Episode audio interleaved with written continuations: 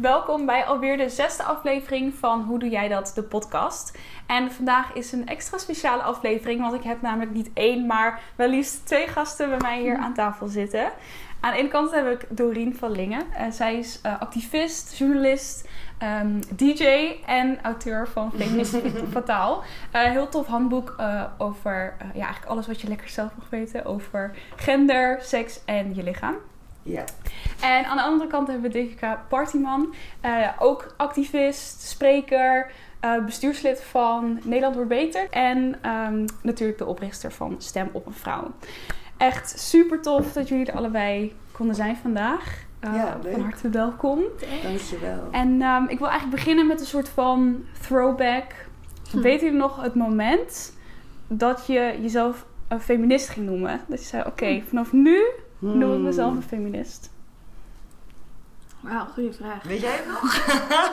Ik weet niet of er een één heel duidelijk moment was, maar ik weet wel het jaar waarin het voor mij echt belangrijk werd. Mm -hmm. um, en waarin ik me daar ook echt mee bezig ging houden. Want ik had altijd één vriendin, Nikki, en die was feminist. Dus dat was dan de feminist die ik kende. Dus die vertelde me er altijd heel veel over, maar ik wist er nog niet genoeg van heel lang. Om dat echt zelf te claimen. En toen in 2016, uh, toen kwam eigenlijk voor mij een beetje een kantelpunt.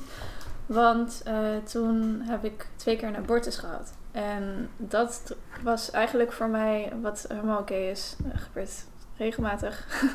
ja. Maar het was wel natuurlijk een heftig jaar. Ja. En wat je ook heel erg met je neus eigenlijk op de feiten drukt over je lichaam en de rechten die je hebt uh, in Nederland uh, als vrouw. En ik was me er heel erg van bewust van wow, wat fijn dat ik hier woon. Dat het hier legaal kan, dat het hier veilig kan, dat je goed opgevangen wordt. En ook dat dat dus op heel veel plekken nog niet zo is. Um, ja, dus dat was voor mij een soort van pers hele persoonlijke aanleiding om echt te zeggen van ja, vanaf nu vrouwenrechten. Ik vind dat gewoon heel belangrijk, omdat ik toen echt aan mijn lijf ondervond. Wow, wat als we dat niet hadden, weet Ja, je hoe het is als iemand mm. anders daar inbreng op heeft op jouw ja. lichaam. Ja, precies. Ja. Tof. En jij, Doreen, weet jij het nog? Ja, ik vind het moeilijk. Ik denk dat er niet een soort van één moment was, een soort van Eureka, ik ben Ja. een feminist. maar ik denk, ik ben in 2013 ben ik sociologie gaan studeren. Ehm, en toen leerde ik eigenlijk steeds meer over de samenleving, over racisme, over seksisme, over feminisme. En toen ben ik gewoon met terugwerkende kracht gaan denken van... hé, hey, eigenlijk best wel wat dingen vond ik oneerlijk in mijn leven van hele kleine dingen, zoals dat je broer bijvoorbeeld bepaalde dingen wel mag en jij niet, Mm. tot grotere dingen dat je, ja, dat je, dat je misschien seksueel misbruik of iets dergelijks hebt meegemaakt. Ik heb heel lang een eetstoornis gehad. Ik uh, zat helemaal niet goed in mijn eigen lichaam. En ja, ik heb ook gewoon vervelende ervaringen met mannen gehad. En dat je dan achteraf denkt van, oh, daar ben ik het helemaal niet mee eens. En toen werd ik gewoon steeds strijdvaardiger. En dan langzaam ga je meer boeken lezen erover, meer over praten met mensen. En dan voel, voor mij voelde het heel erg als een soort van puzzelstukjes op hun plek vielen. En dat je denkt, ja, hier sta ik helemaal uh, achter. En zeg maar, alsnog kan je er gewoon elk jaar meer in verdiepen en komen er steeds nieuwere nuances of nieuwe, ja, nieuwe gesprekken op gang vanuit het feminisme. En dat, ja, dat vind ik gewoon heel belangrijk en waardevol. Inderdaad. Ik denk dat ik inderdaad een beetje dezelfde ervaring had als jij. Dat ik ook uh, heel lang van de dingen die ik zelf had meegemaakt, dacht dat is gewoon hoe het is. It is mm. what it is. En dat ik toen ik eenmaal ging studeren en ook steeds meer soort van dat je je bewuster wordt dat je je eigen bubbel, hè, het gebeurt meer daarbuiten. En dat ik er soort van achter kwam, oké, okay, het, is, het zou eigenlijk niet oké okay moeten zijn dat als je uitgaat dat uh, mannen je zomaar betasten uh, mm. of dat je nageroepen wordt of onveilig voelt op straat, noem maar op. Dat ik ging denken van oké, okay, uh, hier ben ik het niet mee eens, dus wat kan ik er persoonlijk aan doen? Ja, dat, dat het bij mij ook op zijn plek viel. Dat ik dacht, oké. Okay, ja. Oorzaak gevolg. Ja, ja, inderdaad. Toen, ik, ik spreek even namens ons allemaal, ik weet eigenlijk niet hoe oud jullie precies zijn, maar toen ik 16 was, toen was het ook, het medialandschap was ook al bijvoorbeeld alweer heel anders dan nu. Er waren eigenlijk gewoon alleen maar witte, dunne, jonge mensen op tv. Nou ja, nog steeds is dat helaas ja, het merendeel. De norm. Maar um, als je bijvoorbeeld ook kijkt naar nu, naar een website als Weekday of zo, daar staan ook al allemaal verschillende type modellen op. En, mm. en niet nou, dat dat nou de kern van het feminisme is, maar er was wel minder aandacht voor. Dus ik wist ook niet zo goed wat feminisme nou was toen ik jonger was. Ja. En ik denk dat ik daar ook door mijn studie een beetje achter ben gekomen. En dat het dus ook niet alleen maar ehm, het clichébeeld van mannen haten, okselhaar, bla bla bla bla is. Maar ja, dat het gewoon dat het strijden is voor gelijkwaardigheid op Mhm. allerlei fronten. Dus ook wat betreft huidskleur en wat betreft economische klasse en leeftijd en of je wel of geen beperking hebt en noem maar op. Ja, Ja. ja. dat is inderdaad een goed punt. Want voor mij was het inderdaad ook eh, heel erg... ehm, had ik een eenzijdig beeld ervan, van man versus vrouw. Maar wat je zegt, nu is de discussie natuurlijk veel meer naartoe aan bewegen naar eh, intersectioneel feminisme. Ehm, dat we inderdaad niet alleen kijken naar, oké, eh, vrouwen versus mannen, maar wie is de vrouw? Wat is ja, de vrouw is zoveel verschillende dingen. En het gaat niet alleen maar over geslacht, maar inderdaad gelijkheid in zijn algemeenheid. En met Stem op een Vrouw eh, ben je natuurlijk ook niet alleen maar bezig met eh, meer vrouwen in de politiek te krijgen, maar vrouwen op elk vlak van diversiteit. Dus inderdaad ook vrouwen van kleur, vrouwen met een beperking, et cetera. Mhm. En eh, hoe heb jij die discussie eigenlijk de afgelopen jaren ervaren? Is die een beetje Hmm. veranderd? Ja, die is echt heel erg veranderd. Eh, we zijn vier jaar geleden begonnen, dus bij de vorige Tweede Kamerverkiezingen in 2017. En toen was het, ik bedoel, het onderwerp feminisme was niet nieuw, eh, maar vrouwen in de politiek, eh, daar werd eigenlijk op dat moment bijna niet over gepraat. En we moesten toen ook heel erg ons best doen om aandacht te krijgen dus ervoor. Dus om journalisten zover te krijgen om over ons te schrijven. Eh, we voerden nog steeds trouwens de hele tijd online discussies met volgers over is het nou belangrijk, ja of nee? En zou het niet moeten gaan om kwaliteit? En je ziet dat nou ja, de hele tijd dezelfde vragen die we echt al vier jaar aan het beantwoorden zijn. Ja.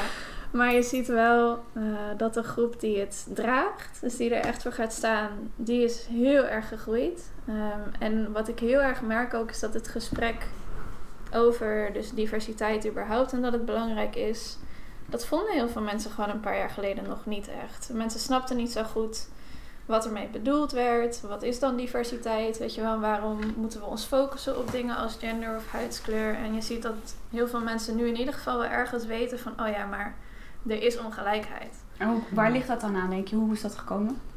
Mm, nou ja, je hebt, als je binnen Nederland kijkt, denk ik in de afgelopen tien jaar heeft denk ik de beweging tegen Zwarte Piet eh, daar heel veel aan bijgedragen. En die zijn in 2011 begonnen. Eh, dus echt tien jaar terug. En dat heeft het gesprek over in ieder geval kleur en racisme echt zo aangeswengeld. En dat heeft ook mede weer geholpen, denk ik, voor feministen om hun eigen gesprek over vrouw zijn weer, weer te gaan voeren. En je ziet dat dat ook niet per se op een... eh, weet je, er was heel veel ruzie rond die figuur Zwarte Piet, zeker die eerste paar jaar. Maar je ziet wel dat dat heel veel uit de weg heeft geruimd van dat er eigenlijk dat besef van shit, er gaan nog dingen mis in Nederland. Eh, er zijn nog groepen hier die zeggen ja, maar wacht eens even, dit is niet eerlijk. Hmm. Ehm, of dit gaat mis. En dat heeft wel denk ik ruimte geschept voor veel meer van dat soort verhalen. Dus ik denk dat we heel veel aan de antiracismebeweging te danken hebben. Maar ik bedoel, feminisme is ook al hartstikke oud.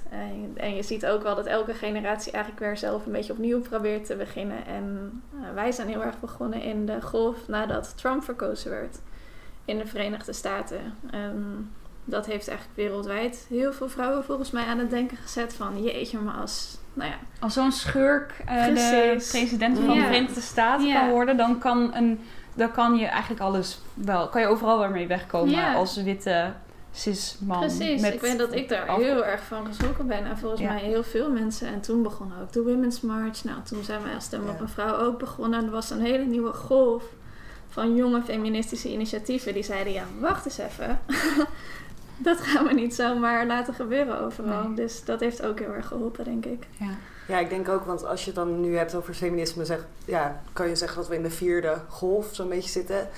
En ik denk dat dat bijvoorbeeld ook het internet daar een hele ro- grote rol in speelt. Want ehm, wat, je, wat je net ook noemde, dat nu dat intersectionele feminisme veel meer de norm is in de vierde golf.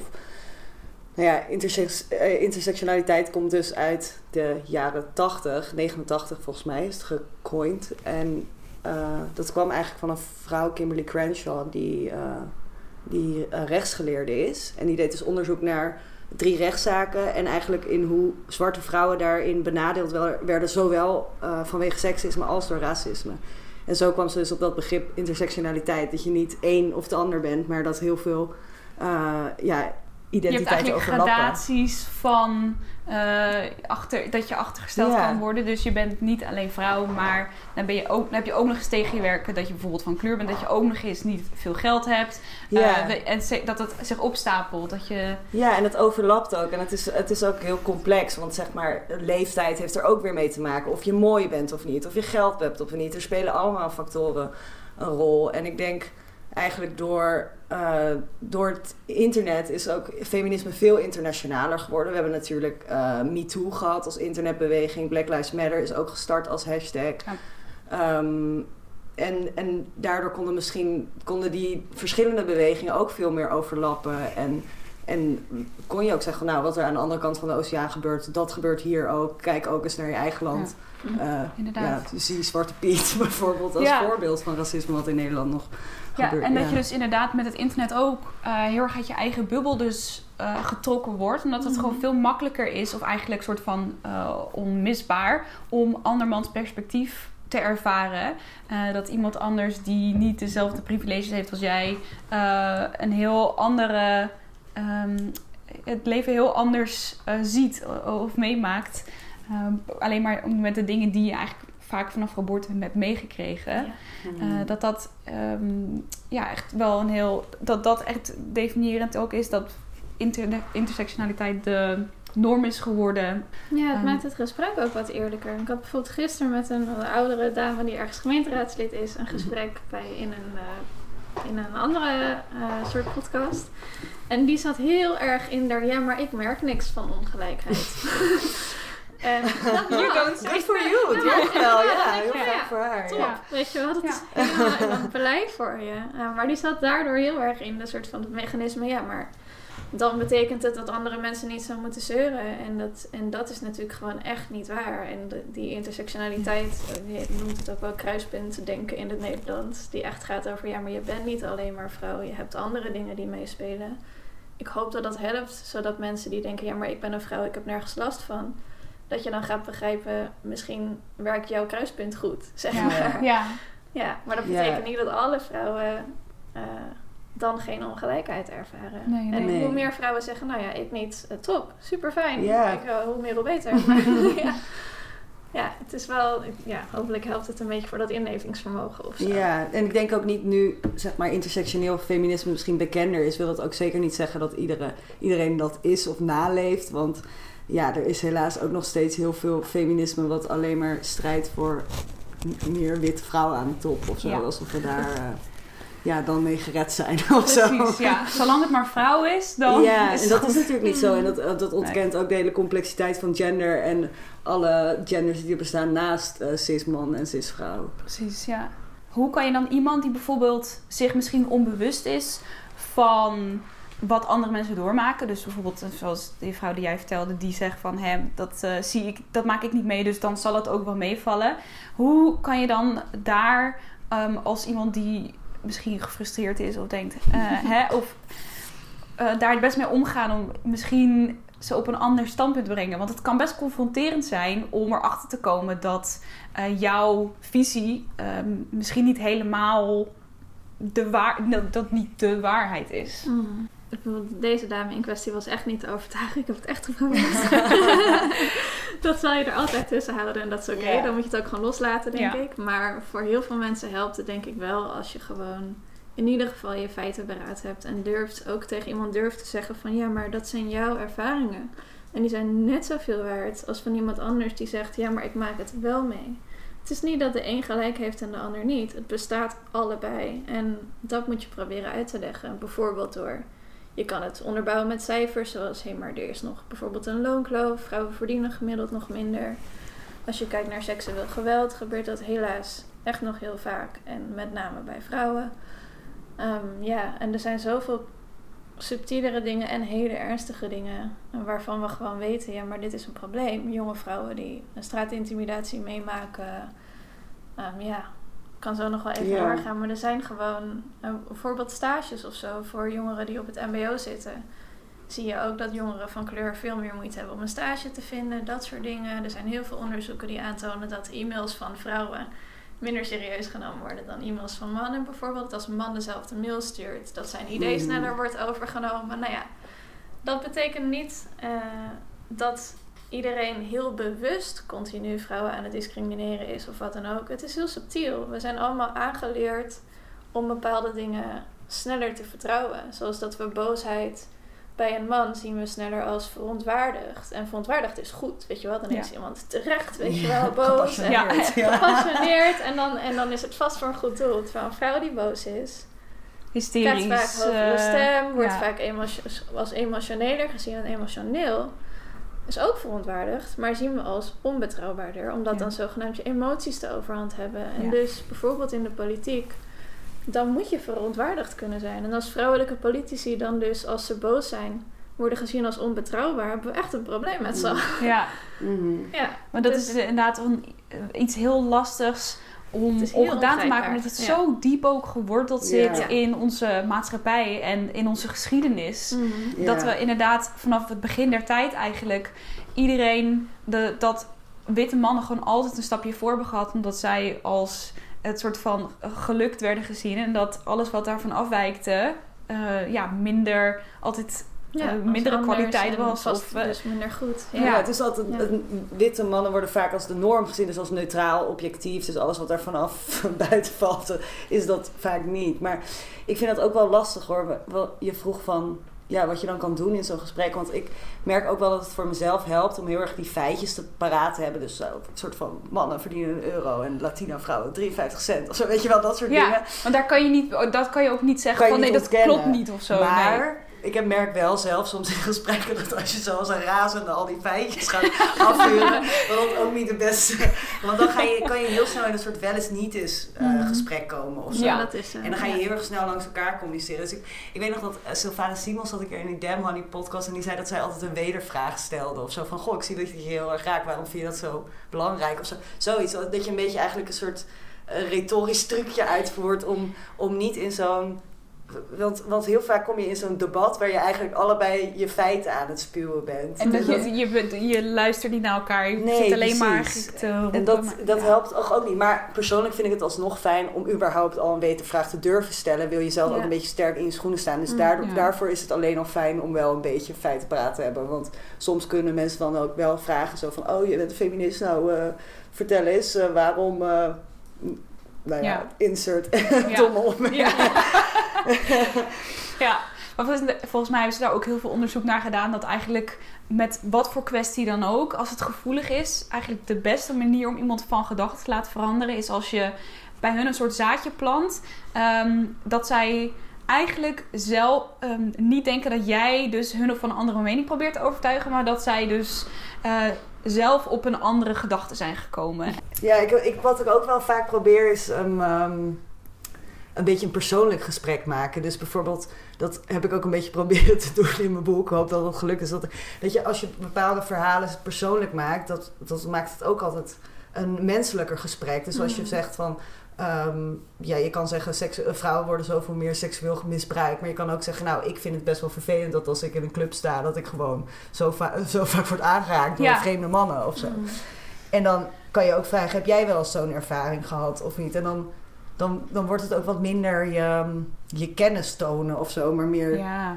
je Minder misschien met het een vinger. is. Ja, Ja, dat, dat is dat Ja. mensen toch snel hebben. Dat met zeg maar het vingertje wijzen. Dat mensen al heel snel dus Ja. in de verdediging schieten. Mhm. En wat je ook heel erg bij dus de Zwarte Pieten discussie was dat volgens mij ook echt de eerste zoveel jaar van hun bestaan. Dat mensen, dat eigenlijk gewoon heel Nederland volgens mij in de verdediging Ja. schoot. Zo van, "Oh, dit doen wij al jaren. En ik weet nog, toen het inderdaad net begon te leven, dat zelfs ik ook dacht...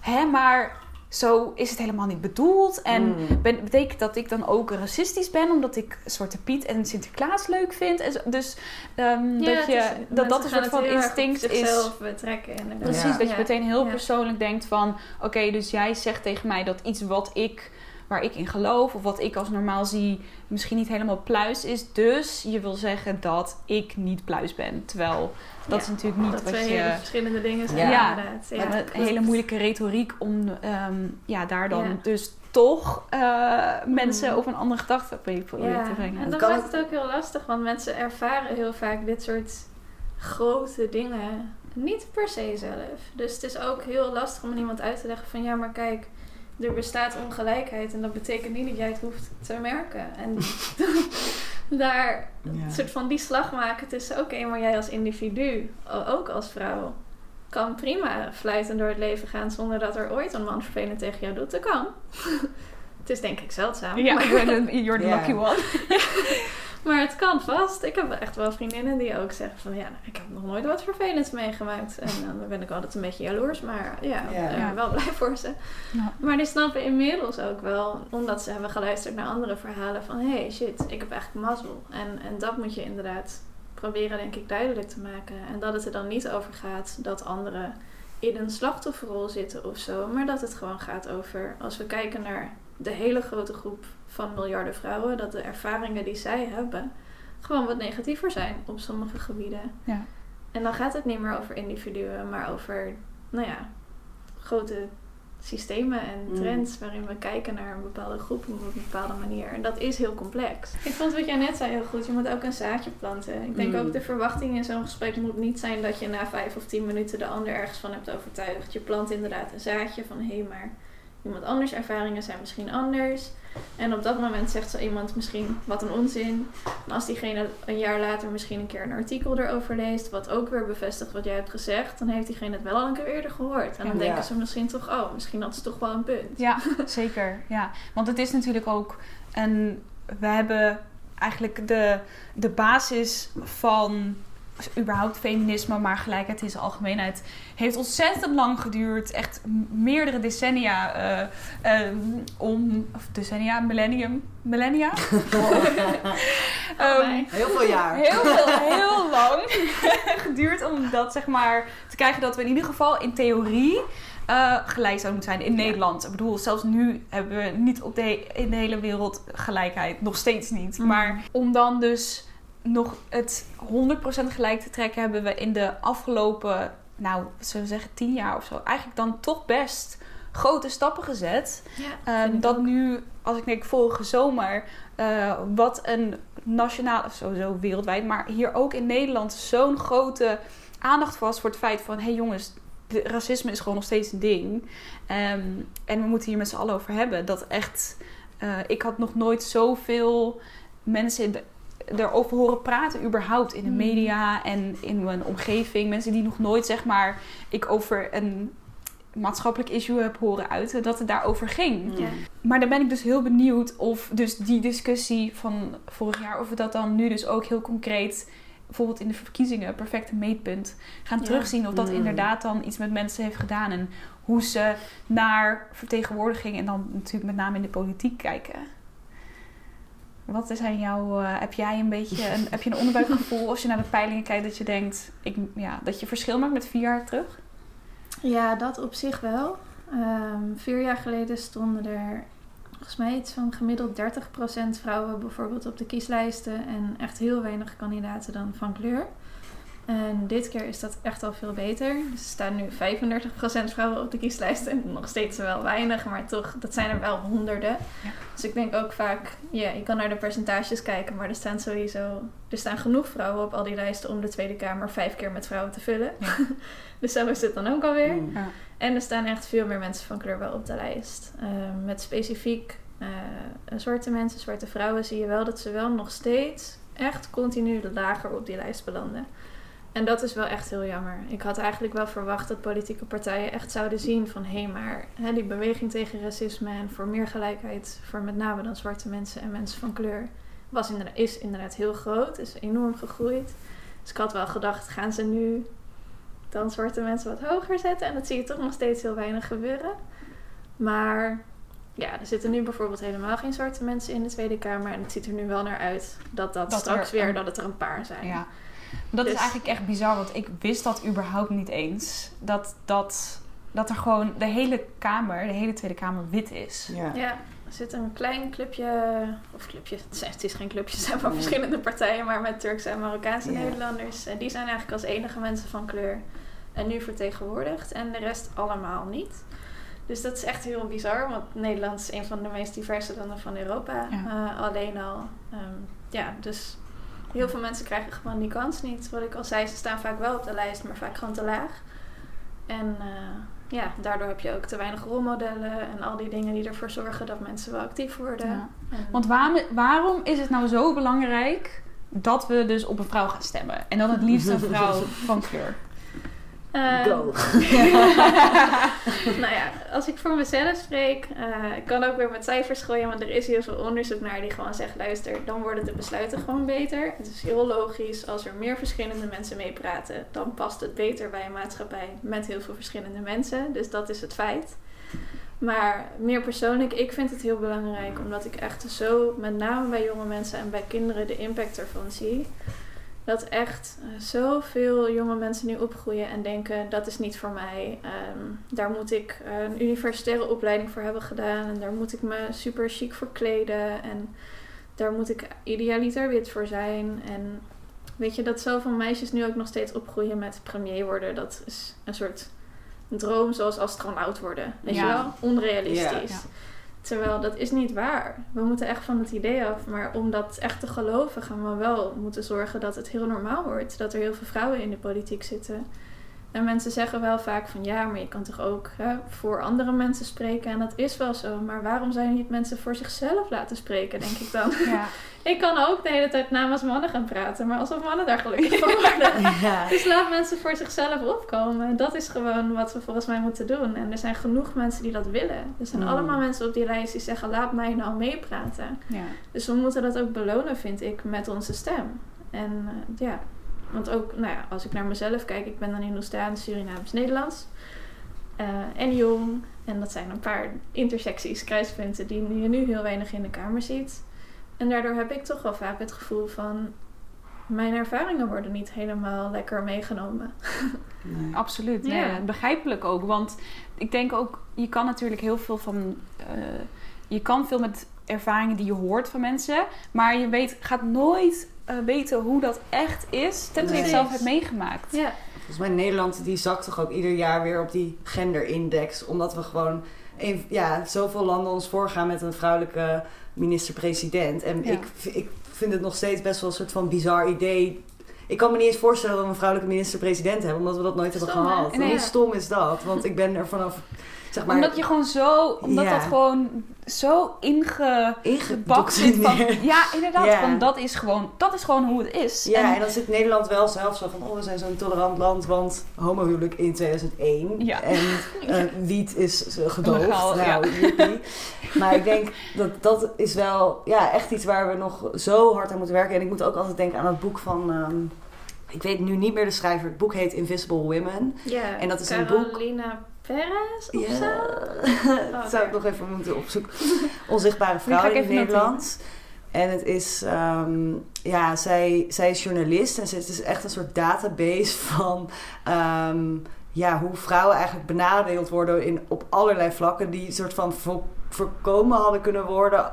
Zouden er vrouwen eh, aanwezig zijn of mensen van kleur of zeg maar mensen die niet witte mannen zijn. Want dit gaat bijvoorbeeld over dat eh, medicatie op een mannenlichaam is gebaseerd. Een mobiel is eigenlijk te groot voor een vrouwenhand. Eh, als je Siri kon je eerst wel vragen van eh, waar kan ik een bordeel vinden, maar niet waar kan ik een abortuskliniek vinden. Mhm. Je kon bepaalde dingen loggen, maar je kon heel lang niet in je, eh, je Apple je menstruatie loggen, omdat er gewoon geen vrouwen zaten. Dus de- ze dachten daar ja. gewoon niet aan, weet je wel. Dus dat dan kan iedereen in zo'n systeem kan vanuit allerlei goede intenties dingen doen. Maar je, je, je hebt gewoon blinde vlekken. En daarom is Ja. die representatie ook zo belangrijk. Ja. Als individu, je merkt al deze oneerlijkheden om je heen en je wil een verandering kunnen maken, maar je weet niet misschien hoe. Wat, zijn er concrete dingen die we dus kunnen ondernemen om dus wel ook in je eentje een verschil te maken? Ja, wil Ja. jij beginnen? Ik denk dat er heel veel manieren zijn, gelukkig. Want ik kan me ook voorstellen dat als je veel over feminisme leest, dan kan je daarna ook een beetje zo bedroefd worden en denken van help, wat moet ik nu? Maar ik ben er wel van overtuigd dat je als individu heel veel verschil kan maken. Door te stemmen bijvoorbeeld op een eh, pa- partij die staat voor radicale gelijkheid. Ehm, en dan het liefst stemmen op een vrouw van kleur natuurlijk. Ehm, maar bijvoorbeeld ook, ja, we, om weer terug te grijpen op ehm, de Zwarte Pieten ja, beweging, of anti-Zwarte Piet beweging, Kick Out Zwarte Piet. Dat is ook door, dat is door twee mensen, eh, Quincy Gario en Jerry, ehm, omdat zij een protest begonnen. Is iedereen gaan volgen. Dus het is ook, en dat zie je ook met Black Lives Matter. Zeg maar, de, de straat opgaan, dat helpt gewoon. Je consumptiegedrag helpt enorm. Eh, niet meer fast fashion kopen, tweedehands kopen, wat jij al heel veel doet trouwens. Ehm, nou ja, veganistisch eten, daar kan ik zelf ook nog wel eh, aan werken. Je hebt- er zijn allemaal kleine stappen of grote stappen die je kan maken. Ehm, door, en dan dat, dat je het gevoel geeft van yes, ik doe er iets Ja. mee. Gesprekken aangaan met andere mensen helpt enorm. Ja, zeker. En ik denk misschien ook, dus niet bang zijn dat je, wat je zegt heel veel goede dingen, maar dat je, dat je ook vooral niet moet laten afschrikken dat je denkt, oké, als ik iets wil doen, dan moet ik het meteen allemaal perfect doen. Ja. Want je zegt van, met bijvoorbeeld veganistisch eten kan ik zelf ook nog beter doen. Maar het is eh, denk ik al heel goed als je iets doet. eh, en ja, je moet vooral niet perfect in de weg laten zitten van goed genoeg. Als je al de intentie hebt en bewustzijn is al de eerste stap. En als je dan daar steeds kleinere stapjes naar kan zetten naar eh, eh, gedrag veranderen. Mhm. eh, ja, dan hoeft het echt niet meteen dat je als een soort super ubermens, zeg maar, helemaal eh, perfect leeft. Dat is denk ik Nee, onmogelijk. Dat verlamt ook heel erg om. Ja, maar maar niet onderschatten eigenlijk wat voor impact al kleine veranderingen kunnen maken. Mhm. ja. Ja, en alleen al jezelf zijn, eh, zeker op jonge leeftijd, en aan andere mensen laten zien dat wie je ook bent, dat dat kan, dat je dat mag uitdragen, dat inspireert ook al Mm. weer nieuwe mensen. Dus het is ook, het is ook heel klein en ook heel moeilijk soms, maar wel ook heel mooi of zo. Ja. Ja, Dat we al die mogelijkheden hebben. Maar goed, ja, wat er nog meer concreet kan. Eh, komt ie. Nou, je kan namelijk ook slim stemmen. Eh, dat doe je als volgt. Heel veel mensen die bijvoorbeeld zeggen: Ik vind het heel belangrijk dat er meer vrouwen meepraten in die politiek. Of meer jonge vrouwen, of nou, wie je dan ook belangrijk vindt. Ehm, die stemmen eigenlijk nu. eh, stemmen dan vaak wel, maar stemmen vaak niet zo slim. Die stemmen bijvoorbeeld op de eerste vrouw op de lijst. Of eh, bijvoorbeeld een vrouw die lijsttrekker is. Ja. Omdat je denkt, wow, dat is heel tof. Eh, dat is ook een hele mooie ontwikkeling. Uh, maar die hoge vrouwen die komen er al wel, want die staan heel hoog op die lijst. Dus als je echt extra vrouwen verkozen wil krijgen, en zeker dus uit al die niches eigenlijk, uit al die groepen die nu nog heel weinig gehoord worden, dan kan je beter wat lager op de lijst stemmen. Want die vrouwen dreigen er eigenlijk steeds uit te vallen. En wat ik al zei, bijvoorbeeld vrouwen van kleur worden toch best wel vaak lager gezet. Dat geldt ook voor vrouwen met een beperking, uh, LBT-vrouwen, nou ja, jonge vrouwen, vrouwen die bijvoorbeeld MBO hebben gedaan, die worden toch vaak lager geplaatst. Terwijl ze komen wel op die lijst. Dus ze, ze willen, ze zijn er klaar voor, ze hebben nodige ervaring. Alleen ze hebben je support nodig. Dus Ja. als je echt op hen stemt, dan uh, als ze genoeg stemmen krijgen, dat heet een voorkeurstem, een stem op iemand anders dan de lijsttrekker, dan kan je ze eigenlijk een zetje omhoog geven. En dan kunnen ze de plaats innemen van iemand die al veel hoger is geplaatst. En vaak is dat een man. Dat is heel vervelend voor die man, maar jij bent de kiezer. Jij bepaalt op wie je wil stemmen. Dus wees niet bang. Doe dat gewoon lekker en kies jouw favoriet. Want dan help je echt een extra generatie eigenlijk die politiek in. Ja, fantastisch. Ja. Nou, dat is, uh, op jullie website kunnen we dat, uh, kan je toch heel makkelijk zien. Ik had zelf ook even gekeken. Ja. Dan kan je gewoon een partij kiezen waar je op wil stemmen. En dan krijg je dus al meteen een heel handig lijstje van wie de vrouwen zijn die al volgens de peilingen in de Kamer zouden moeten komen. En dan kan je dus heel goed eigenlijk daaronder zien, oké, okay, deze mensen nog niet. Ja, dus... precies. En die kan je dan, uh, je kan ook informatie over hen vinden en dan kan je ze zo opliften. Ik noem het altijd een beetje de kieslijst hacken. Ja. We love a hack. Maar ik vind het ook altijd wel leuk als je dan meer, want het is ook een manier om je meer te verdiepen in je partij. Van wie staat er zeker. eigenlijk op? Dat je een beetje meer betrokken Ja. voelt en denkt van, oh, nou hier, hier voel ik wel wat bij. Zo. Dat is ook leuk om gewoon een En beetje uit te je, je stem voelt dan ook een stuk waardevoller Ja. haast. Omdat je echt heel bewust over hebt nagedacht. Oké, ik stem echt op dit persoon. Want het is altijd zo'n misvatting dat je denkt... Oké, ik stem op een partij. Maar als je in dat stemhokje staat... Je moet je kruisje bij je gewoon een naam zetten bij een individu. Dus dat je daarmee heel bewust kan zeggen... Oké, dit vind ik belangrijk. Dus dit persoon gaat mij vertegenwoordigen. Ja, precies. En zelfs wat heel veel mensen dan denken... Maar ja, wat als ze het dan niet halen? Um, gaat mijn stem nou verloren? Dat is niet zo. Je stem gaat altijd naar de partij. Dus je helpt die persoon, maar ook als diegene het niet haalt, draagt de stem wel bij en dat die partij groter kan worden. Dus het is hoe dan ook en stem op die partij. Alleen kies gewoon inderdaad je favoriet. Het is een win-win. Het is een win-win, precies. Ja. Zoals altijd ehm, hebben we ook weer eens een aantal kijkersvragen. En er waren wel een paar interessante binnengekomen. Ehm dit vond ik wel een grappige. Eh, wat voor stiekeme antifeministische trekjes merk je nog aan jezelf? Oeh, Hebben jullie die Eh, überhaupt? ja hoor. Zeker. Ja. Ja, wij zijn toch ook een product van deze maatschappij, denk ik wel. Ja. Ja. Eh, Wauw, het is wel een moeilijke vraag ook altijd weer. Omdat je even moet denken, wat is er nou heel cliché? Ehm, Nou, ik heb er wel eentje. Ik kan Ja. het namelijk best wel als een, ehm, een vrouw niet echt lacht en best goed weet wat ze wil. Zeker in een soort professionele setting. Ehm, of iemand die, waar ik tegenop kijk.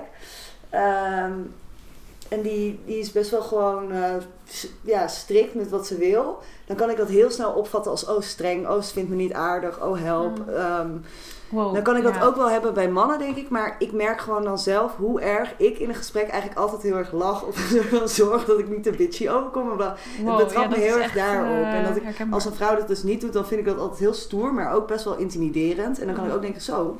Wel, eh, wel pittige tante of zo. Dan denk ik echt, jezus, wat is dit nou weer voor Ja. onzin of zo. Ja. Dus dat, dat is wel iets wat ik, waar ik mezelf soms op betrap. Ja, dat is wel herkenbaar. Dat ik inderdaad van dat soort kleine dingen die je vaak onderbewust zijn, maar dat je dan oh, je- jezelf op betrapt dat je denkt, hoezo denk ik dit? Het gaat echt Ja. al, tegen allemaal principes in. ja. Ja, ik heb het, ik denk, ik merk het denk ik heel erg in mijn relatie. Ik ben dan hetero en ik heb een partner. En eh, we zijn allebei feministisch. Eh, hij is ook van kleur, dus we kunnen elkaar heel erg vinden, ook in gesprekken daarover. Maar ik merk wel dat ik toch stiekem meer waarde hechtte dan ik dacht aan meer traditionele dingen. Bijvoorbeeld dat we verdienen ongeveer hetzelfde.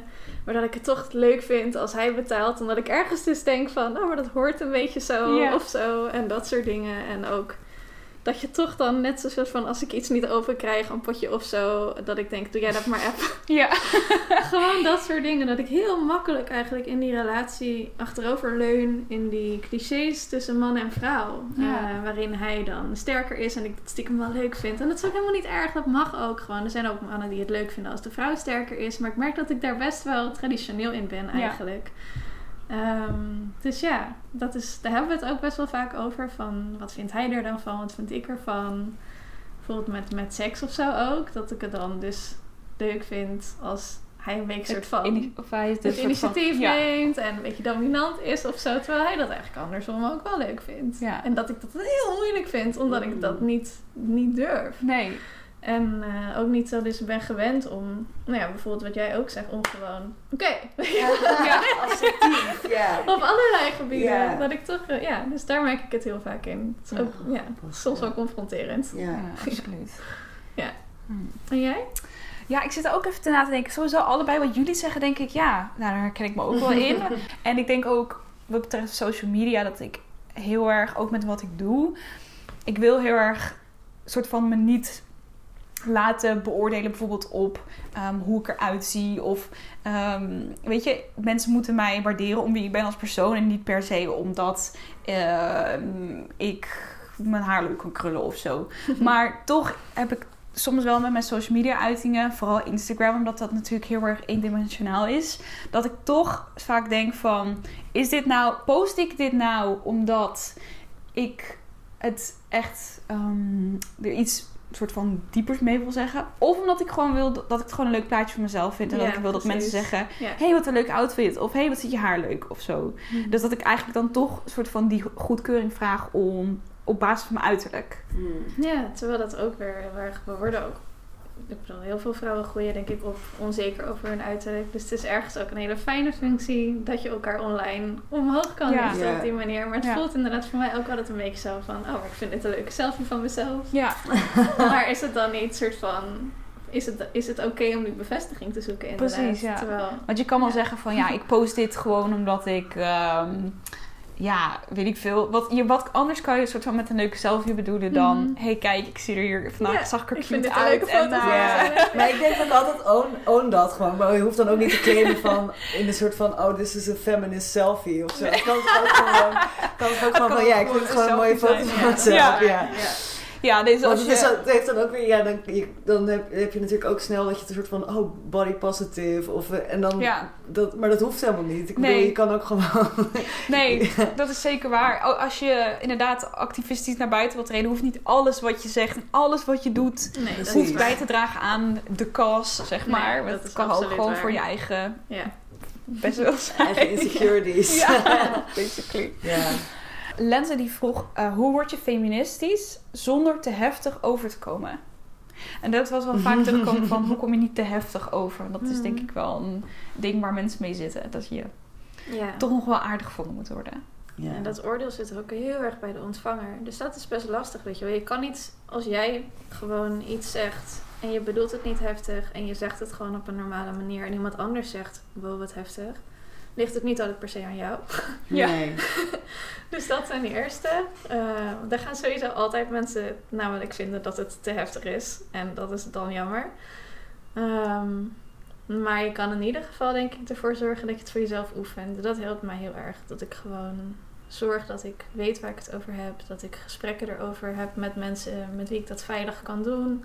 Zodat je ook een beetje eigenlijk weet wat je kan verwachten in zo'n... Hoe iemand kan reageren of hoe iemand naar je kijkt.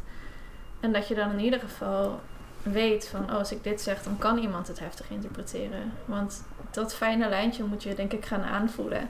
Wanneer vindt iemand het heftig? En als je dat beter leert kennen of zo, dan helpt het al heel erg om bepaalde dingen waarvan je weet, oh, hier reageren mensen misschien heftig op, dat je dat wat rustiger en aandachtiger aan ze kan vertellen dan je misschien uit jezelf gelijk zou doen. Hmm.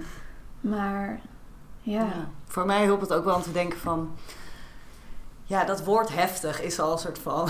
is al iets, zeg maar. Zouden we dat ook zeggen over man, bijvoorbeeld? Mhm. Ik denk het hele idee van... wa- Waar jij het ook al in het begin over had... Dat iemand sneller eh, emotioneel of bitchy of wat dan ook is... Dat, dat, dat is een oordeel wat ook sneller gegeven wordt aan vrouwen. Zeker aan zwarte vrouwen.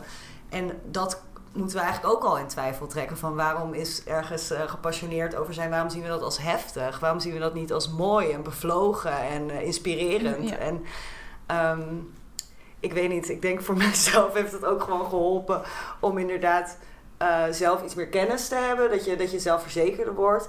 Ook gewoon iets ouder worden. Dat hielp voor mij heel erg. Dat ik denk van, oh ja, Ja. Ik, ik, ik heb ook iets meer omarmd dat ik misschien een heftig persoon ben. Ja, prima, weet je wel. Inderdaad, Ik noem het hartstochtelijk. en, ehm, Define heftig. Ja.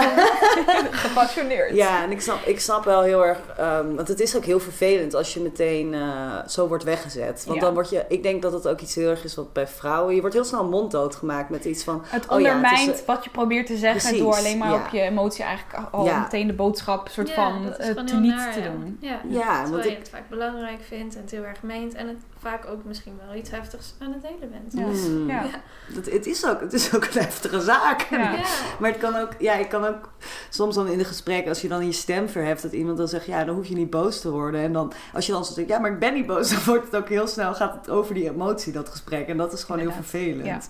Maar ja, ik zou ook zeggen, omarm, omarm de heftigheid. Ja, en dat is denk ik ook een goede om soort van... Als je dus in iets gelooft en denkt, hier wil ik me over uitspreken... dat je ook soort van moet durven om het ongemakkelijk te maken. Want het is niet altijd als je dit... Als je je echt uitspreekt over zoiets... dan gaat niet altijd iedereen zeggen... wow, vet goed punt. Ben ik het helemaal mee Mm, eens, inderdaad. klopt. Ja, ik weet, dus het is ook gewoon een moeilijk proces. Het helpt misschien ook om met mensen erover te praten. Ja, dat je een beetje bondgenoten vindt of zo. Dus Ja. dat ik, ehm, toen ik naar Amsterdam verhuisde, toen kwam ik, kwam ik in een vriendengroep terecht waarin heel veel mensen ook niet hetero waren. Weet je wel, dat helpt, dat is gewoon fijn of zo. Omdat je dan een beetje onder elkaar Ja. zo. En dan, dan voel je je ook wat comfortabeler in jezelf. En dan kan je dat ook makkelijker uitdragen naar de buitenwereld, denk Ja. ik. Ja, En wat denk ik ook heel veel mensen bij activisten zich een beetje in vergissen, is dat mensen denken dat je alles in één moet zijn. Mensen zeggen, geven heel vaak soort ongevraagd adviezen van ja, maar met wat je toen zei spreek je niet iedereen aan. Of hè, moet je niet nog meer verbinden of moet je niet met iedereen het gesprek aan. Maar dat kan een manier zijn. Maar we hebben allemaal verschillende persoonlijkheden. En de een is een verbinder. Die denkt, ik vind het leuk om de hele dag met mensen te discussiëren waar, die het niet met me eens zijn. En dan wil ik heel rustig met ze praten van, ja, maar waar kom jij dan vandaan? Dat is een manier. Ja. Ik vind dat niet leuk. ik krijg me liever op mensen met wie die het een beetje eens met me zijn, maar die bijvoorbeeld nog niet helemaal dat zelf kunnen uitleggen of die ik verder kan helpen. Dat vind ik leuk. En dan zie ik ook dat daar uiteindelijk dat ik daar een groep mensen in heb gevonden, wat Doreen ook zegt, die waarbij je elkaar kan waarderen en zegt: Wow, wat heb je dat goed gedaan? Dat inspireert mij. En de mensen die het niet met je eens zijn, ja. prima. Die kunnen wel ergens een verbinder vinden, hoop je dan. En anders maar niet. Maar je hoeft niet alles in één te zijn ook. Nee. En je hoeft ook niet alle, de zwaarte van de hele wereld op je schouders te dragen. En Precies. iedereen ervan overtuigen dat jouw mening correct is. Maar inderdaad, doe het gewoon wat voor jou goed voelt. Ja, exact. Oh ja, dit vond ik op zich ook nog wel een goede praktische vraag um, van Hedwig. En dat was als je de partij niet support, maar wel een kans is dat er met die partij een vrouwelijke premier komt. Hmm. Is het dan verstandig om de hmm. vrouw aan de top te krijgen, ondanks de partij? Ja, hele goede vraag. Ik krijg hem best vaak bij Stem op een Vrouw nu, want er zijn best wel veel vrouwelijke lijsttrekkers. En het antwoord is uh, aan de ene kant, ja, het helpt als de grootste partij een vrouw als lijsttrekker heeft. Dus het helpt zeker als je een vrouwelijke premier wilt, dat je een partij groot maakt met een vrouwelijke lijsttrekker.